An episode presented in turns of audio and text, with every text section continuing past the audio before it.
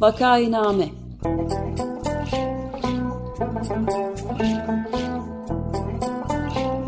Salgın günlerinde memleket manzaraları. Hazırlayan ve sunanlar Güven Güzeldere, Ömer Madra ve Özlem Tekin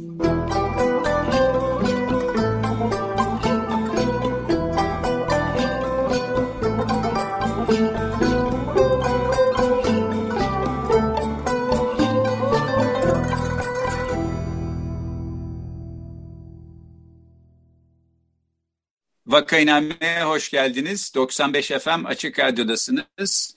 Bu programı Ömer Madra, Özlem Teke ve ben Güven Güzeldere birlikte yapıyoruz. Bugün Ömer Madra bizimle değil. Bu hafta konumuz hukukçu Fikret İlkiz. Hoş geldiniz Fikret Bey. Hoş bulduk. Kolay gelsin. İyi yayınlar dilerim. Teşekkür ederiz.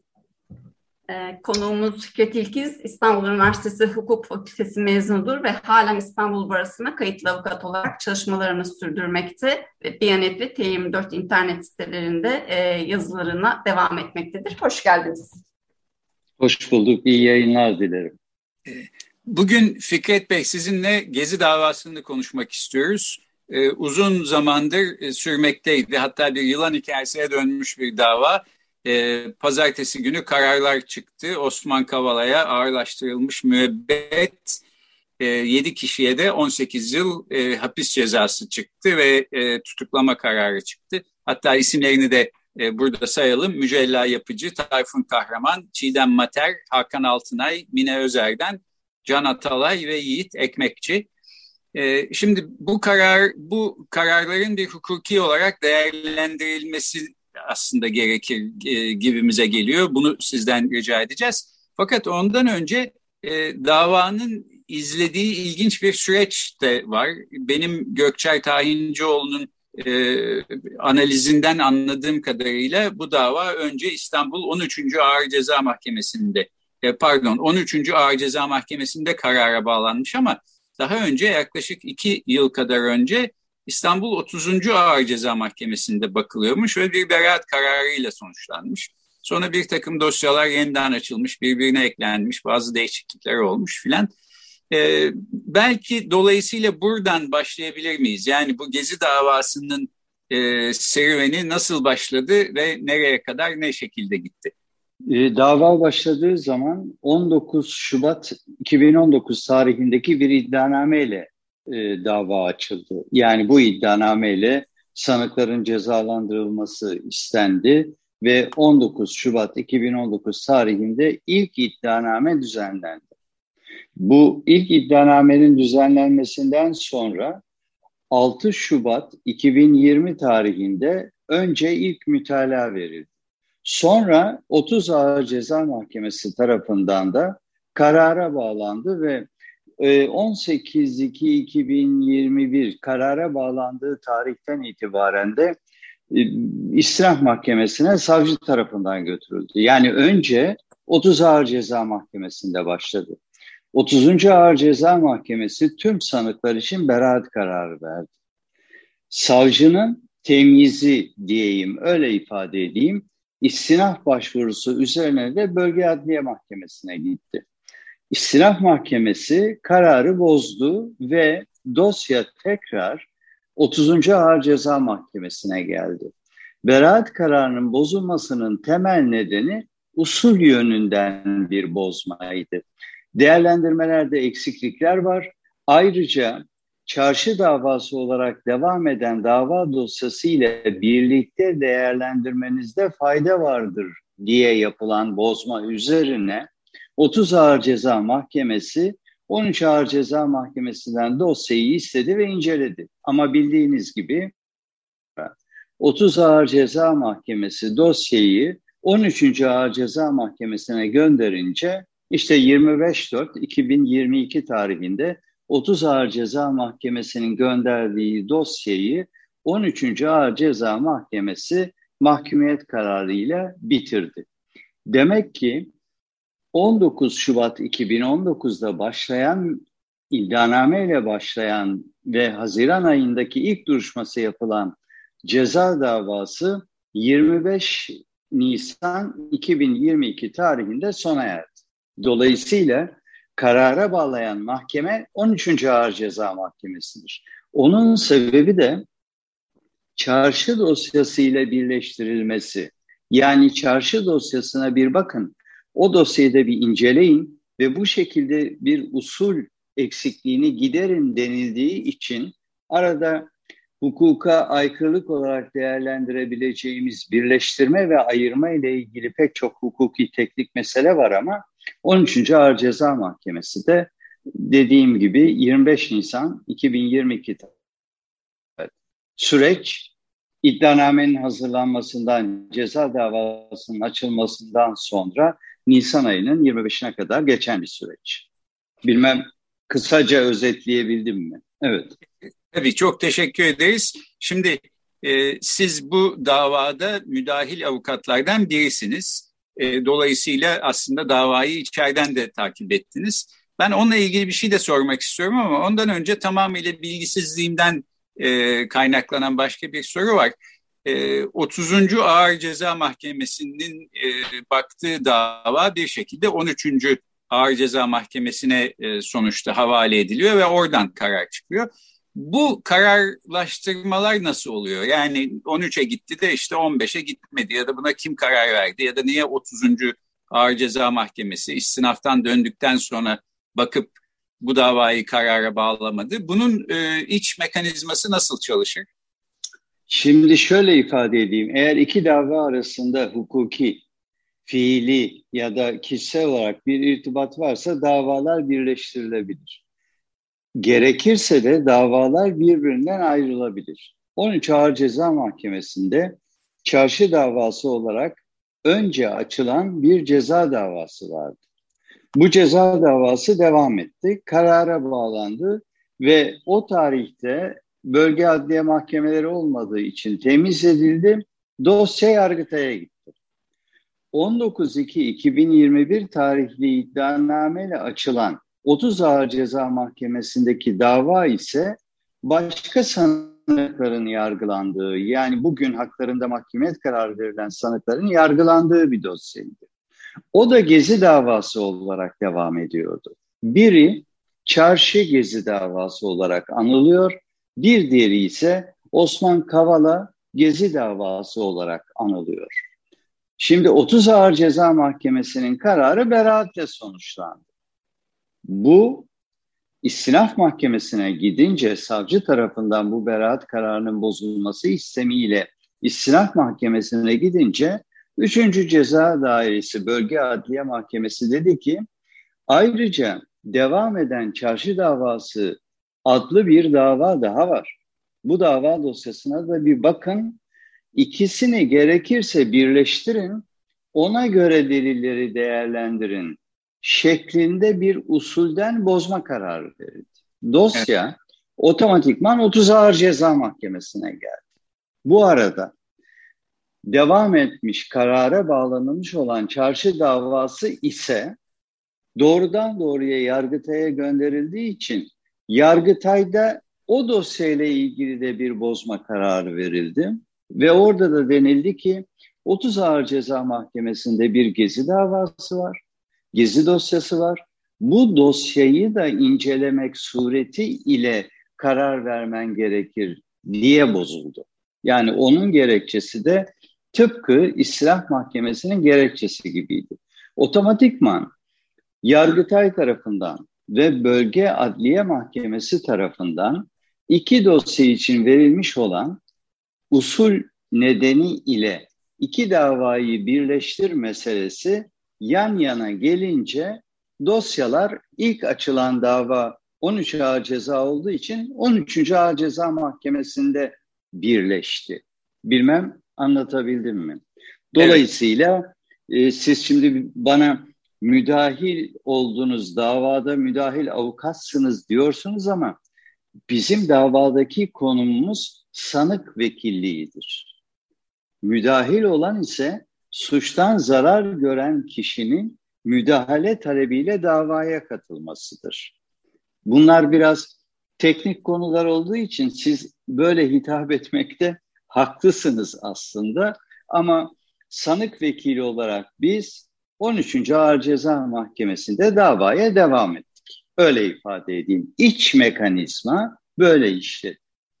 Anladım. Çok teşekkürler. Düzelttiğiniz için teşekkür ederim. Sahiden bu teknik terimleri falan ben hiç bilmiyorum. Ama evet. böylece e, anlamış olduk. Peki şimdi bir de hukuki olarak davadaki kararların değerlendirilmesi kısmına gelelim. Ben e, bazı sanıkların savunmalarını okudum. E, yani o, savunmalar aslında şöyle bir izlenim yaratıyorlar. Benim gibi dışarıdan bakan amatör ve bilgisiz bir kişiye.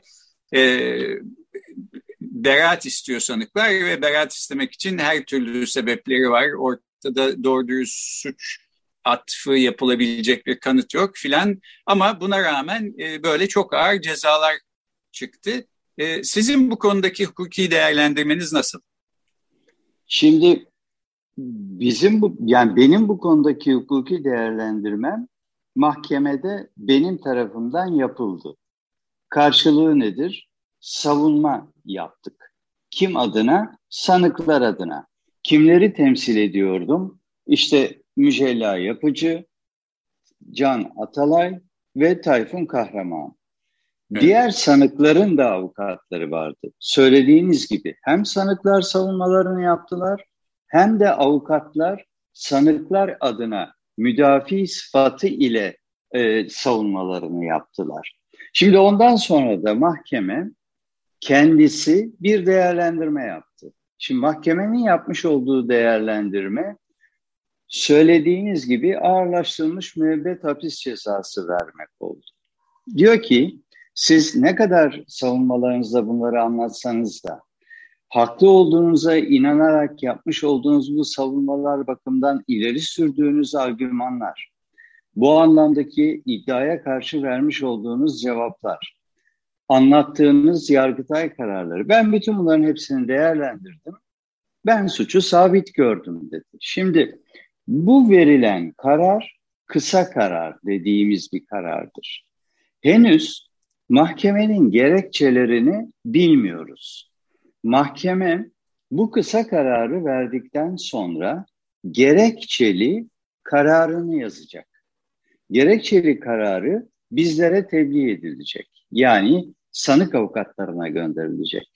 Biz de bu gerekçeleri öğrendiğimiz andan itibaren niçin ağırlaştırılmış müebbet hapis cezası verdiklerini, buna göre gerekçeli savunmalarımızı hazırlayarak bunu dosyaya sunacağız ve bu dosya istinaf mahkemesine gidecek. Yani tekrar bölge adliye mahkemesine biz istinaf talebinde bulunmuş olacağız. Dolayısıyla bütün bunları da mahkemenin gerekçesini öğrendikten sonra yapacağız. Sözün özü mahkemenin gerekçesi çıktığı an biz de gerekçelerimizi bildireceğiz.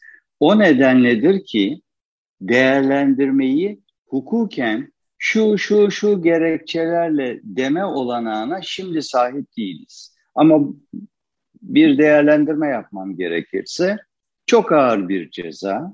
Bu anlamda verilmiş olan karara baktığımız zaman bir tutuklama kararı da verilmiş olmasını gözetirseniz bu karar toplumda sıkıntı yaratan, tartışmalar açan bir karar halinde basında yer aldı. Yani aşağı yukarı e, gerekçesi belli olmayan bir konuda henüz bir değerlendirme yapma olana yok. Zaten gerekçe bize tebliğ edildiğinde biz de o gerekçelerimize e, karşı argümanlarımızı, iddiaya karşı savunmalarımızı bildirmek suretiyle bulunacağız. Yani kısaca bunu söyleyebilirim. Evet, dolayısıyla dava henüz e, son evet. kesin bir aşamaya gelmedi. Gelmedi. Gelmedi. Yani aslında sorduğunuz soruya cevap vermemiş oldum. Ancak bunun nedeni mahkemenin gerekçesi henüz belli değil. Kısa bize dedi ki böyle düşünüyorum. Yani sanıkların hepsi Türkiye Cumhuriyeti hükümetini ortadan kaldırmaya, görev yapmasını engellemeye, anayasal düzeni ortadan kaldırmaya teşebbüs etme gibi suçlardan dolayı ben mahkumiyet kararı veriyorum dedi. Doğrudur, yanlıştır. Bu karar hukuka uygundur, değildir. Mahkeme argümanlarını görmeden bir şeyler ifade etmek bence zor. Onun için şimdilik ağır olduğunu söylemekle yetineyim. Anladım. Ee, peki çok teşekkürler. Ben e, şimdi başka e, o zaman bu konuyla ilgili birkaç soru daha sormak istiyorum. Tabii. Bir tanesi e, Avrupa İnsan Hakları Mahkemesi'nin verdiği bir karar var ve Avrupa Konseyi'nin Türkiye'ye uygulayabileceği yaptırımlar filan. Biz bunları daha önceki programlarda örneğin hukukçu Rıza Türmen'le konuşmuştuk. E, galiba gazeteci Gökçer Tahincioğlu'yla da bir ara konuştuk. Bunu bir kenara bırakayım. E, başka iki Şimdi bir tanesi şöyle bir haber çıktı. Bu doğru mudur yanlış mıdır sizden de aslında teyit almak için de soruyorum. Bu mahkemenin e, hakimi e, iktidar partisi yani Adalet ve Kalkınma Partisi'nden milletvekili adayı olmak e, olmaya çalışmış ama olamamış.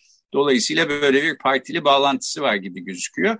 Şimdi bu bana meşruluk açısından aslında çok sakıncalı gözüküyor ama burada önemli olan meşruluktan ziyade yasallık herhalde. Bunun yasal olarak e, yanlış bir tarafı olmadığı e, görülüyor ki reddi hakim talebi e, kabul görmemiş diye anlıyorum. Doğru mu? Şöyle ifade edeyim. Evet, e, dava dosyasında savunma yapan avukat arkadaşlarımızdan Evren Hanım tarafından söylediğiniz gündeme getirildi. Denildi ki üye yargıçlardan şu kişi eskiden AKP milletvekilliği için aday olmuş, avukatlık yaparken aday olmuş birisidir. Dolayısıyla onun aday olurken kamuoyuna yaptığı açıklamalar vardır. Hatta Cumhurbaşkanını öven sözleri vardır. Bu koşullar altında kendisinin bu konumu nedeniyle tarafsız olmadığını düşünüyorum dedi. Şimdi bu açıklamayı yapınca üyeye de siz misiniz diye sorulunca üye de hiç ses çıkartmayınca siz olduğunuz anlaşılıyor denildi. Fakat diğer üç avukat arkadaşımız, iki avukat arkadaşımız düzeltiyorum, dediler ki bu koşullar altında üye yargıcın çekilmesi gerekir. Artık ceza muhakemesi kanununa göre davaya devam edemez. Çünkü taraflıdır. Eğer çekilmezse bu durum karşısında biz kendisini reddediyoruz dedi. Bu çekilme ve red talebi savunma makamının ve avukatların hakkı olan bir konudur. Biz size güvenmiyoruz dediler. Çünkü bu şekilde e, davada mağdur olarak gözüken Recep Tayyip Erdoğan'ı övücü sözler söylemişsiniz. Örneğin bir yıl önce, örneğin iki yıl önce diyerek çekilmeye davet ettiler. Çekilmiyorsanız reddediyoruz dediler. İşte bu yasal haklarını kullanınca mahkeme bu konuda bir karar vermek konumundaydı. Kararını verdi dedi ki bu talep dedi davayı uzatmaya yöneliktir.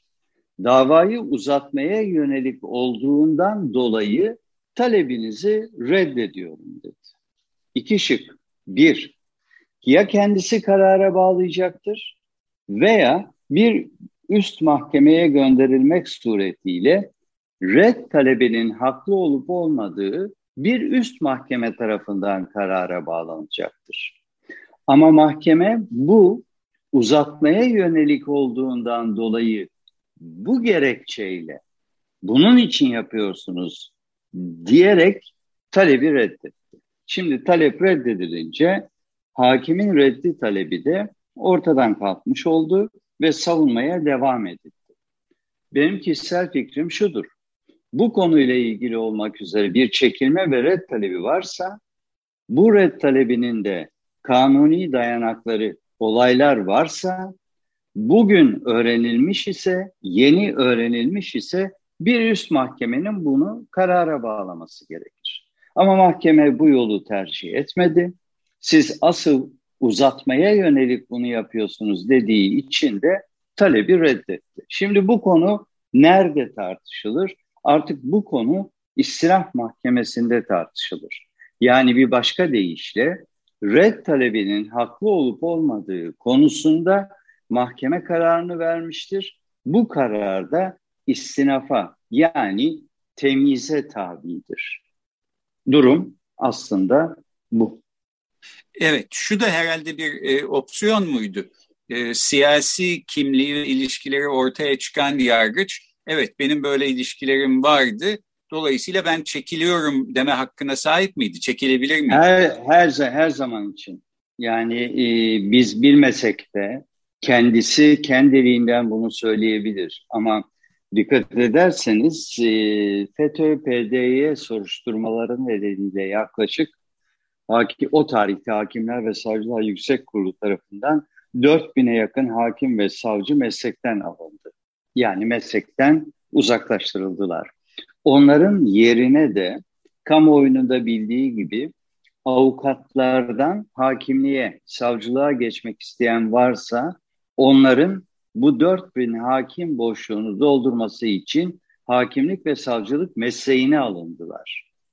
Ve hatırlarsanız o zamanki haberlere baktığınız zaman çoğu çeşitli partilerin üyeleri, çeşitli partilerde görev yapan ve ağırlıklı olarak da iktidar partisinin mensupları arasından avukatlık yapan kişilerden seçilmiş olan hakim ve savcılardır. Şimdi o hakim ve savcıların çoğu görev yapıyorlar. Şimdi bir ara e, bir bir şekilde milletvekilliğine aday olan hakimle şu an görev yapmakta olan hakimlerin geçmişlerindeki siyasal tercihleri yargı bağımsızlığı ve tarafsızlığı ile bağdaşmayan bir niteliğe sahip. Onun için bu genel sorunun da bir nevi bu davaya yansıdığını gördük. Evet. E, peki şimdi programın sonlarına geldik. Artık bitirelim. Ben fakat son bir soru sormak istiyorum kapatırken. E, şu anda muhalefette olan ve hatta bu altılı mutabakat metnine imza koymuş olan iki genel part iki genel e, iki partinin siyasi partinin genel başkanı Ali Babacan ve Ahmet Davutoğlu da Gezi davasında müşteki olarak yer aldılar diye okuduk. Yani şikayetçiler arasında yer alıyorlar. Ee, biz aslında burada olmak istemiyoruz. Bizim irademizin dışında biz bu listedeyiz filan gibi de beyanlar verdiler. Ee, bunun e, altyapısını da öğrenmek istiyorum. Yani bir insan kendi özgür iradesi olmadan belki bir listeye eklenebilir. Fakat daha sonra e, ben buradan çıkmak istiyorum, bu davanın parçası olmak istemiyorum deme opsiyonu yok mudur? Çünkü bu çok ağır cezalar aslında Ali Babacan ve Ahmet Davutoğlu adına da e, verilmiş oldu e, diye anlıyorum. Şimdi o konuya şöyle açıklık getirmeye çalışayım. Biraz önce söyledim. 19.2.2019 tarihli iddianame. İlk iddianame. Bu ilk iddianamede hükümet 61 miydi 62 miydi hatırlamıyorum. Davutoğlu ve Ali Babacan'ın bulunduğu, Recep Tayyip Erdoğan'ın başbakan olduğu hükümetti. Yani parlamenter sistem içerisinde kurulmuş bir hükümetti. Savcı iddianamesini düzenlerken hükümetin tümünü iddianamesinde mağdur olarak gösterdi. Dolayısıyla 21 hükümet üyesi mağdur sıfatıyla yer aldı. Mağduriyet nereden kaynaklanıyor? Gezi olaylarında mağdur olmaktan kaynaklanıyor. Bir de 28. olarak Cumhurbaşkanlığı İdari İşler Başkanlığı vardı. O zaman hatırlarsanız Ahmet Davutoğlu Dışişleri Bakanı, Ali Babacan da Maliye Bakanı'ydı. Şimdi bu 19 Şubat 2019 iddianamesinde bu şekilde yer aldıktan sonra uzun zaman hiçbirisi hiçbir şey demedi. Ayrıca daha sonra ya da dava Haziran 2019'da başladığı zaman biz burada kendiliğimizden şikayetçi olmadık ya da biz burada kendi isteğimizle yer almadık gibi açıklamalar yaptılar. Yani bir başka deyişle biz mağdur olmadık dediler. Hatta başbakanı ikna ederek geziye götürmeye çalıştık dediler. Bütün bunların hepsi de basında yer aldı. İyi ama bunu demek ki sadece söylemek yetmiyor. Bir dilekçe yazarsınız, basit bir dilekçe. Ben mağdur olmadım dersiniz, dava dosyasına bildirirsiniz. Ben geldim tanıklık tanık, yani bir şey tanıklık, şey yapmış durumdalar diyorsunuz. Şimdi bakın tanıklık yapacağım dersiniz, gelir tanıklık yaparsınız. Bu bu kişiler hükümet olarak mağdur oldukları ifade edilen kişiler. Ve sadece bu davanın iddianamesinde bir hükümetin sırayla tek tek yazılmak suretiyle bakanların mağduriyeti ve mağdur oldukları ileri sürüldü. Ayrıca davada 677 müşteki var. Ne demektir? Şikayetçi var. Olaylar sırasında zarar gördük diyen kişiler var. Şimdi bu müştekilere sorulur. Ne diyorsunuz diye. Siz şikayetçi misiniz? Siz davaya katılmak istiyor musunuz diye. Ya da mahkeme önüne böyle bir iddianame gelirse örneğin mağdur olanları çağırır dinler. Müştekileri çağırır, onları dinler. Pek çok müştekiyi çağırdı, dinledi. Davaya katılmak istiyor musunuz diye sordu. Bir kısmı istiyoruz dedi, bir kısmı istemiyoruz dedi. Şimdi bu farklı sıfatlara baktığınız zaman ortak paydaları zarar görmüş olmaktır. O halde daha sonra siyaseten biz mağdur olmadık aslında demek tek başına yetmiyor. Ayrıca kendi sorumlulukları içerisinde dava dosyasına verecekleri basit bir dilekçeyle biz mağdur olmadık diyebilirlerdi, demediler. Evet. Bu da onların siyaseti olarak bu şekilde kaldı. Evet, Bilmem çok teşekkür anlatabildim. Evet, çok aydınlatıcı oldu bütün programda anlattıklarınız. Teşekkür ederiz. Bugün Vakainame'de bu hafta karara bağlanan Gezi davası hakkında hukukçu Fikret İlkiz'le konuştuk. Çok teşekkür ediyoruz Fikret Bey. İyi yayınlar dilerim, kolay gelsin. Hoşçakalın. Hoşçakalın.